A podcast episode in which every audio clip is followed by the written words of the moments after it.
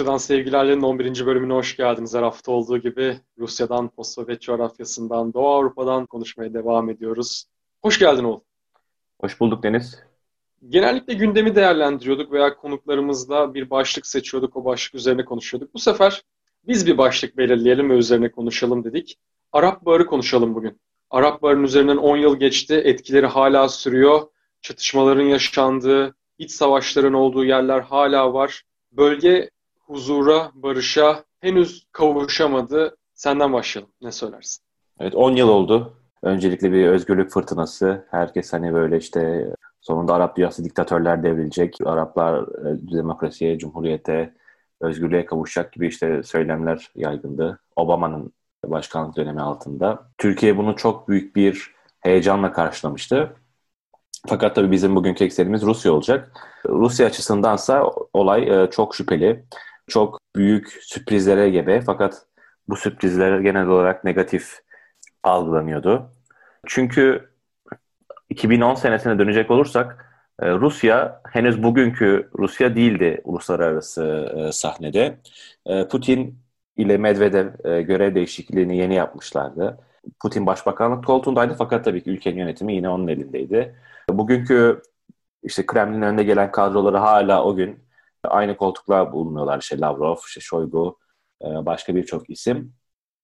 Fakat Rusya uluslararası sahneye iddiasını Sovyetler yıkıldıktan sonra ilk defa 2007'de Putin'in ünlü Münih konuşmasıyla koymuştu. E, NATO'nun doğu genişlemesine, e, Rusya'yı tehdit eder yaklaşımlarına yönelik ilk manifestosunu Putin Münih'te bir konuşma esnasında dile getirmişti. 2007'yi Gürcistan'daki müdahale takip etti. Ve bunun hemen ardından, yani tabii turuncu devrimler, hepsini bunları biliyoruz. Bütün post-Sovyet coğrafyasında. Hemen ardından Arap Baharı patlak vermişti. E tabii bu Rusya'da e, büyük bir kaygı ve muğlak düşüncelere e, sebebiyet vermişti. Burada küçük bir ekleme yapayım. Arap Baharı ilk patlak verdiğinde şimdi orada birçok ülkede aynı anda gösteriler olunca Rusya hangisine nasıl tepki verebileceğini de çok net kestiremedi. Tunus'ta farklı bir tutum almaya karar verdi. Libya'da farklı bir tutum almaya karar verdi. Sonrasında Suriye'de bambaşka bir söylem geliştirdi. Aslında nasıl tepki vereceğini de bilmiyordu. Burada şunu da söyleyelim tabii ki. Yani Sovyetler Birliği döneminde Rus, Sovyetler Birliği'nin Orta Doğu'da güçlü müttefikleri vardı. Oldukça etkin bir rol alıyordu bölgede. İşte başta Suriye olmak üzere Libya keza. Bunun dışında işte Sudan tarafına gidebiliriz. Biraz daha aşağı inecek olursak Mısır bir yandan Sovyetler Birliği ile iyi ilişkiler kuran bir devlet. Özellikle Arap Nasır döneminde. Tabii. Evet evet. Yani 70'e kadar Saddam, işte Filistin, Yemen. Evet, hepsiyle bir takım ilişkileri var ve bu ilişkileri de tabii ki gittikçe güçlendiriyor. İşte tam bu Arap Baharı patlak verdiğinde bu ne yapacağını bilememek, müttefiklerini kaybetme ihtimali derken zaten ilk yarayı Libya'da aldı. Evet Libya Rusya için e, ikinci büyük şok oldu. Yani hani o NATO genişlemesinden o klasik 2000'li yılların e, liberal atmosferinden sonra en büyük şok NATO'nun Libya müdahalesi oldu. Rusya burada e, hazırlıksız yakalandığını, kandırıldığını düşündü. Putin hatta küplere bindi. Ve hemen ardından senin de ifade ettiğin gibi e, Arap Baharı'nın en önemli merkezi Suriye. Rusya'nın belki buradaki en güçlü, en eski müttefiki olan Suriye e, odak noktası haline geldi. 50'ler, 60'lar yani Soğuk Savaş'ın zirve dönemlerine dek işte Mısır'da, Suriye'de, Yemen'de Sudan'da e, farklı Sovyet e, aktivitelerini görüyoruz. Askeri olarak burada bulunuyorlar, diplomatik olarak önemli rolleri var. Özellikle Britanya ve Fransa'nın e, dekolonizasyon süreci sonrasında bu boşluğu hani ABD ve Sovyetler Birliği doldurabildi. Fakat e, bu ülkeler içerisinde e, muhtemelen en önemli nokta Suriye oldu. Suriye'de işte Tartus'ta önemli bir askeri üsleri vardı. E, fakat 2013'e kadar geldiğimiz süreçte e, asıl büyük şok dalgası Libya, Kaddafi ve Suriye ekseni oldu. Rusya 2015 senesine kadar da Arap Baharı'nın yaşandığı bütün bu coğrafyada çok önemli bir rol üstlenmedi. Farklı siyasi, diplomatik manevralarda bulunabildi. Bunlar içinde e, şu ana kadar hani 2013-2015 dedik en önemli e, ülke Libya'ydı. Fakat Libya'yı herhalde e, Hafter'le beraber daha sonraki süreci detaylı konuşuruz. E, Suriye konusunu istersen bir giriş yap. 2015'e geldiğimizde çünkü en önemli nokta Suriye oluyor. Ondan evvel şunu da söyleyelim. Yani Arapların ortaya çıktığı andan itibaren Rusya yalnızca müttefiklerini kaybetmek endişesine kapılmadı. Aynı zamanda Arap barının yaratmış olduğu veya artık daha görünür kıldığı bir takım grupların Rusya'da da etkili olma ihtimali Rusya'yı korkuttu. İşte IŞİD'in ortaya çıkışı veya diğer isyancı birliklerin ortaya çıkışı, özellikle post-Sovyet Türkiye Cumhuriyetlerden bu bölgelere insanların gitmesi, Rusya'nın içinden bu bölgelere insanların gitmesi, Rusya'nın bu durumu kontrol altına alma ihtiyacını da onu hissettirdi. İşte Çeçenistan'dan gelen Çeçen, Çeçenleri biliyoruz. İşte Kırgızları, Özbekleri biliyoruz. Bunların haberleri zaten yapılmış, istihbaratları zaten geliyor. Yani hem müttefiklerini kaybetme ihtimalin var hem de bu grupların senin kendi coğrafyanda etkili olma ihtimalleri var. Ve bu ikisini de bir şekilde kontrol etmesi gerekiyordu. Bir şekilde bastırması gerekiyordu ve bununla ilgili çalışmalar da yapmış oldu. 2015'e geldiğimiz zaman işte bunun en net çalışmasını görmüş olduk. O zamana kadar tabii ki lojistik yardım yapmıştı. Tabii ki maddi manevi destekte bulunmuştu. Tabii ki NATO'nun müdahale yapmasını Birleşmiş Milletler'de Çin'le birlikte engellemişti. Fakat Eylül 2015'te bu sefer Suriye'ye fiili yardım kararı aldı. Kendi askerini gönderdi. Kendi uçaklarını gönderdi. Kendi teçhizatlarını gönderdi. Ve savaşın seyri, iç savaşın seyri tamamen değişti. Yani Libya'da kaybedilen ve alınan ders bu sefer Suriye'de uygulandı. Ve 2015'ten sonra %20-25 e, yani Suriye topraklarının %20'sini, %25'ini kontrol eden Esad 2020 yılına geldiğimiz zaman neredeyse tamamını artık kontrol ediyor duruma geldi. İşte kuzeydeki bir takım bölgeleri ve son kalan ÖSO yerlerini denklemden çıkartırsak. Rusya'da iç savaşın seyrini kendi fiili yardım kararıyla dönüştürdü. Aslında evet çok önemli bir nokta ifade ettin. Hani bu e, eski Sovyet ülkelerinden ya da Rusya'nın kendi içindeki cumhuriyetlerden giden tırnak içindeki savaşçıları ya da e, Rusya'nın terörist olarak adlandırdığı bütün bu insanlar yani Rusya'nın politikası çok açık ve net. sen geleceğine ben senin olduğun yere gideyim ve seni orada yok edeyim. Burada tabii şeyin Ramzan Kadirov'un aldığı rol çok önemli. Hani hem babasından sonra onun yerine geçerek ne diyelim Çeçenistan'ın dizginlerini eline alması hem de daha sonra Suriye Savaşı'nda buradaki Çeçen cihatçılara karşı mücadele etmesi. Fakat hem Suriye'de hem Libya'da aslında çok başka bir önemli e, Rus aktör daha var. Yani Rus ordusunu, Rus istihbaratını saymazsak. Bu da Wagner grubu. Wagner grubu 2015'ten bu yana uluslararası medyada e, çok önemli yer edinmeye başladı. Sürekli Amerikan basınında, işte New York Times'tan tut, e, Avrupa basınında her yere bu Wagner grubunun kim olduğu, işte kimlerden meydana geldiği, Kremlin'le bütün ilişki, nasıl ilişkiler kurduğu masaya yatırıldı. Uluslararası savaş hukukuna göre bugün e, paralı asker dediğim işte mercenary'lerin aslında e, yasaklandığını biliyoruz. Wagner grubu ise tamamen mercenary mantığıyla işte paralı asker olarak Libya'da, Suriye'de, Afrika'nın farklı bölgelerinde hizmet eden bir örgüt. Bunun Kremlin'le bağlantıları yani Kremlin bunu reddetse bile inkar edilemez. Wagner grubunun başında Prigojin, Yevgeni Prigojin'in e, bulunduğu biliniyor, söyleniyor. Prigojin çok yani, acayip bir karakter aslında kendisi bir e, e, restorancı olarak e, uluslararası ilişkiler tarihine girdiğini görüyoruz. E, daha 2001 senesinde galiba e, Bush'la Putin'in yediği bir yemek esnasındaydı galiba. Prigojin'in yükselişi başlıyor. Daha sonra Putin'in halkasına dahil oluyor ve e, işte Wagner grubunun e, kuruluşundan savaşların çehresini değiştireceği noktaya kadar evrimine Prigojin'in altında yolculuk yapılıyor. Suriye'de bu Wagner grubunun çok önemli bir rol oynadığı hep konuşuldu. İşte özellikle IŞİD'e karşı, cihatçılara karşı. Bunun yanı sıra cihatçılar derken e, Esad karşı, diğer muhaliflere karşı. Bunun yanı sıra bugün hala Libya'da Wagner grubunun konuşlandırıldığı bütün e, açık istihbarat kaynakları dile getiriyor. E, batılı hükümetler bunu belgelerini ortaya koyuyorlar. Bu sadece batılı hükümetlerle Rusya arasındaki problem de değil. e, Belarus'la hatırlarsın daha 2020'deki Ağustos seçimlerinden önce Belarus'la Rusya aslında problem yaşıyorlardı. Hatta işte Wagner grubundaki bir takım üyeler, daha doğrusu öyle olduğu söylenen üyeler Belarus'ta gözaltına alınmışlardı. Lukashenko ile Putin arasının açılması, iş, e, işlerin gerilmesi tam o döneme de tekabül ediyor.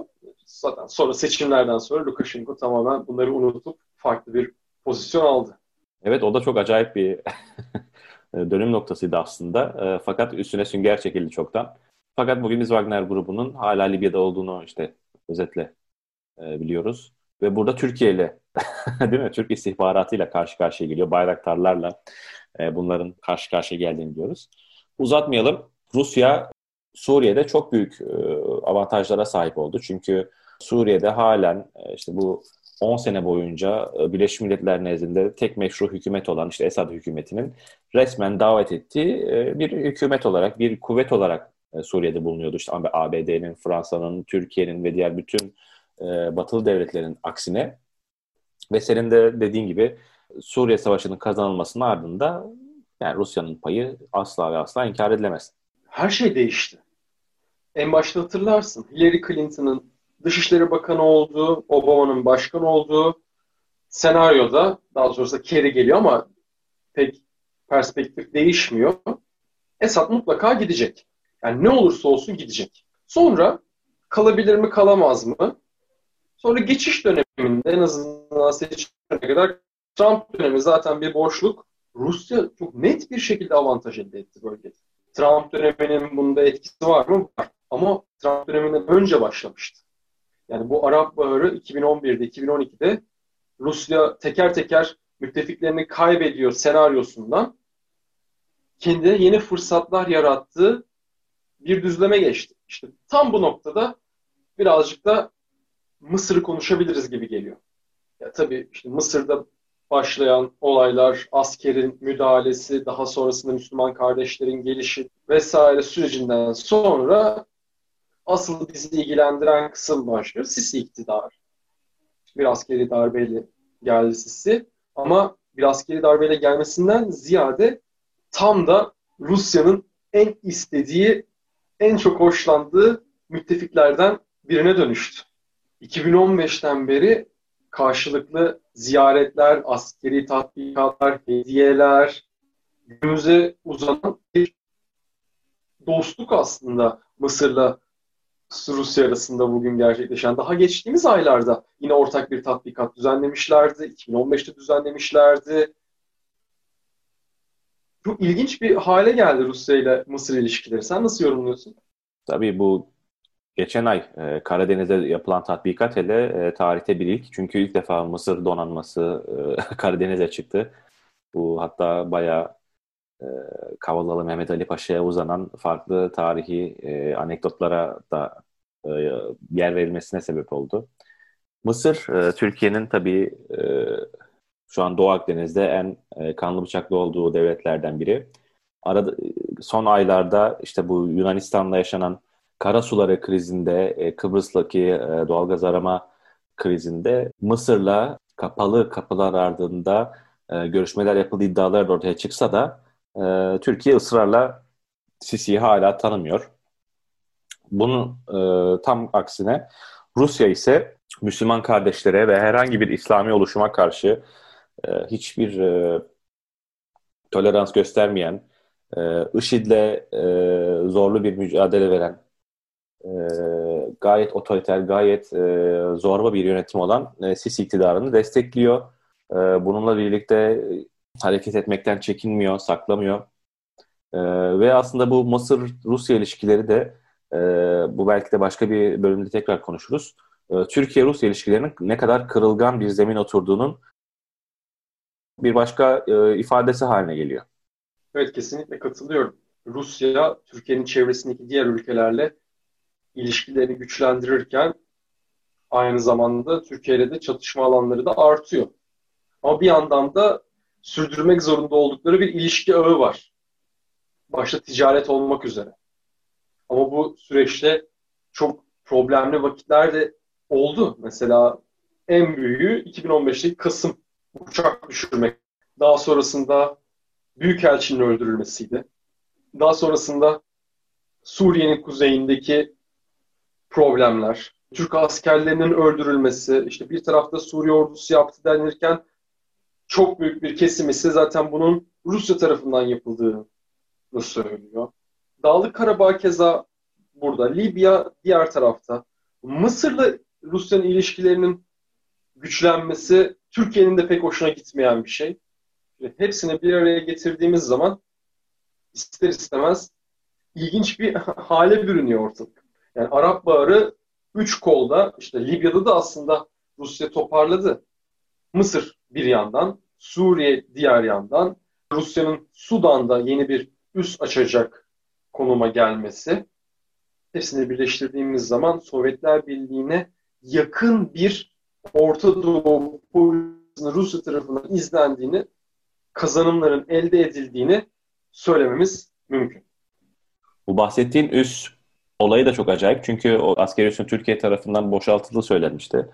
Ee, ve Orta Doğu'da e, Türkiye'nin çıktığı her yerde her yer Rusya'nın girdiği gibi bir yoruma sebep oldu. Çünkü e, bu baştan beri ifade ettiğimiz işte e, Suriye'deki isyancılardan yani cihatçılardan tut bu askeri üs olayına kadar e, Türkiye ile Rusya arasında üstü kapalı bir rekabet var. Her ne kadar bir partnerlik adı altında bütün e, askeri işbirliği ve diplomatik birliktelik yürütülmeye çalışılsa bile senin bu bahsettiğin Suriye imajında ayrıca Kürtlerin de e, rolü çok önemli. Türkiye'nin e, ABD'ye ve müttefiklerine YPG hakkında, PYD hakkında nasıl bir baskı yaptığını biliyoruz. Fakat aynı baskı Rusya'ya yapılamıyor. Kaldı ki PYD'nin e, kaldı ki Suriye'nin kuzeyindeki Kürtlerin Moskova'da temsilciliği var. E, ve bu e, Moskova ile Ankara arasındaki ilişkilerde e, hiç açıktan dile getirilmeyen bir başka aslında problem oluyor. Rusya'nın Arap Baharı'nda elde ettiği bütün kazanımlar genel olarak Türkiye'nin aleyhine bu şekilde sonuçlanıyor, sonuçlandı. Fakat hala e, bu Arap Baharı'nın en sıcak noktalarından biri var ki Türk-Rus rekabetine evrilen Batı'nın çekildiği, Batı'nın e, belki de yenildiği söylenebilecek çözülmeyen nokta Libya. En başta konuştuk. 2011'den bu yana aslında çok sıcak bir nokta. 2011'den bu yana ikinci bir iç, savaş e, patlak verdi. İşte önce Kaddafi devrildi, Kaddafi e, linç edildi. Daha sonra yeni kurulan hükümetler oldu.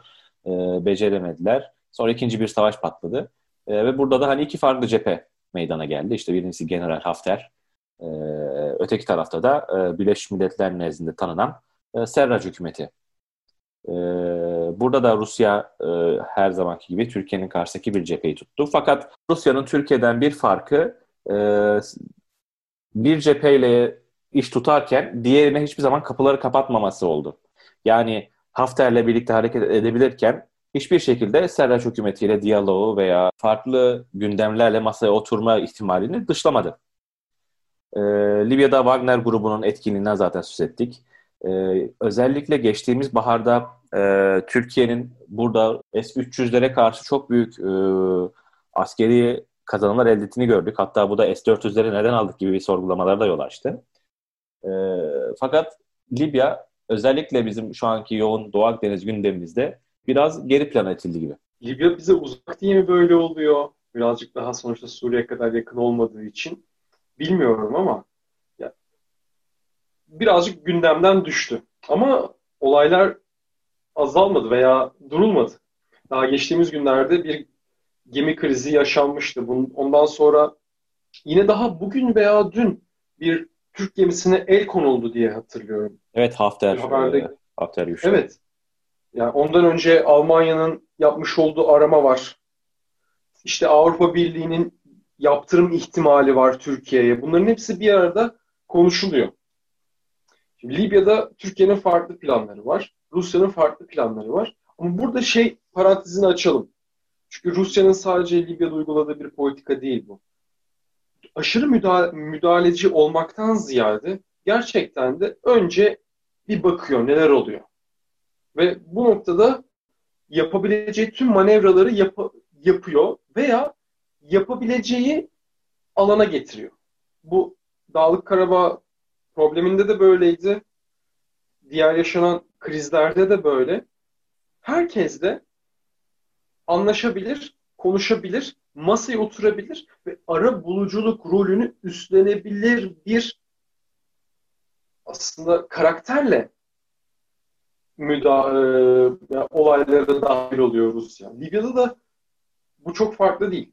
Ya bir tarafı destekliyor mu? Evet. Ama sadece o tarafla mı işbirliği yapar? Hayır. Suriye'de daha net bir politikası var ama mesela Dağlık Karabağ'da hem Azerbaycan'la iletişim kurabildi, hem Ermenistan'la iletişim kurabildi veya diğer bütün coğrafyalarda da bunu yapabilmeye çalışıyor. Onu ilginç buluyorum. Nasıl evrilecek, nasıl olacak bilmiyoruz ama Libya'da yani 10 yıldır düzelmeyen bir problem var. İşte Kaddafi'nin gidişinden sonra iki başlı hükümet kuruldu. IŞİD'in etkin olduğu bir taraf vardı. Belki de çözülecek dendi bu olay. Yani buna rağmen çözülecek dendi. Fakat çözülemedi. Daha sonrasında iç savaş devam etti. Yani Arap Baharı'nın mirası, kanlı mirası ister istemez Libya'da, Suriye'de ve diğer Arap coğrafyasında sürmeye ve yaşanmaya devam ediyor. Ama bundan sonra ne olacak bilmiyoruz. Şimdi biz tabii çok e, Rusya'yı Arap Baharı'nın genel kazananı, Arap Baharı'ndan sonra yaşanan tüm e, çatışmaların e, yegane kazanan kuvveti olarak sanki ifade ettik, sanki yorumladık gibi oldu. Fakat bunun aksine de pek çok eleştiri var. Uluslararası literatürde, pek çok yabancı kaynakta ve tabii Türkiye'de de. Birincisi Rusya'nın asıl e, güçlü olduğu alan senin de ifade ettiğin üzere diplomatik kısım. E, cidden e, şu son 10 yılda e, işte NATO'dan, ABD'den, Avrupa Birliği'nden, Türkiye'den bütün uluslararası aktörlerin e, nasıl çatışmaların farklı taraflarıyla bir araya gelemeyeceğini gördük. Ya da e, bu taraflardan herhangi birisinin e, bir mediator'a karşı e, tepki göstermesiyle e, müzakere masalarının nasıl dağıldığını gördük. Fakat Rusya, senin de çok güzel ifade ettiğin gibi e, bütün aktörlerle aynı anda iletişim kurabilen yegane güç şu an dünyada. Herhalde bunu e, hiç kimse reddedemez. İşte Netanyahu'yu da ağırlıyor. Filistin'le de konuşuyor. Afganistan'da Taliban ve Afgan hükümetini bir araya getiriyor. Ermenistan'la Azerbaycan'ı zorla olsa masaya oturtuyor. Ya da işte Kürtleri, cihatçıları, Esad'ı hepsini bir araya toplayıp bir en azından görünürde de olsa bir e, masa kurabiliyor. Fakat bir bölgesel güç olduğu reddedilemeyecek Rusya'nın e, uluslararası güç olup olmadığı, bir dünya gücü olup olmadığı tabii büyük tartışma götürüyor. Çünkü bunu karşılayabilecek bir ekonomik gücü yok. Ki biz bu ekonomik e, durum üzerine e, ilk podcastimizden itibaren çok konuştuk, konuşuyoruz. İkincisi ise askeri gücünün ne derece etkin olup olamayacağı aslında hala tartışma konusu. Bu sebeple e, Rusya Arap Baharı'nın e, tabii ki yegane, yegane kazanan değil. Fakat e, ekonomik ve askeri gücünün sınırlarına rağmen e, bir diplomatik güç olarak e, bu 10 yıl içerisinde sivrildiği ve cidden Orta Doğu'nun en önemli e, kart dağıtıcısı haline geldiğini e, herhalde hiç kimse inkar edemez. Evet, bir de bir güven de veriyor. En azından kendisini çok sevmeyenlere, çok kuşkuyla bakanlara bunların hepsini bir araya getirdiğin zaman ilginç. Ve gerçekten olmadığı masa yok. Yani bir masa varsa ve birkaç parti o masanın etrafını doldurduysa Rusya'nın bir temsilcisi de olması da yer alıyor. O halde Rusya'dan sevgilerlerin 11. bölümünü böyle noktalıyoruz. Gelecek hafta bir konukla devam edeceğiz. İlginç bir konu konuşacağız. Hoşçakalın. Gelecek hafta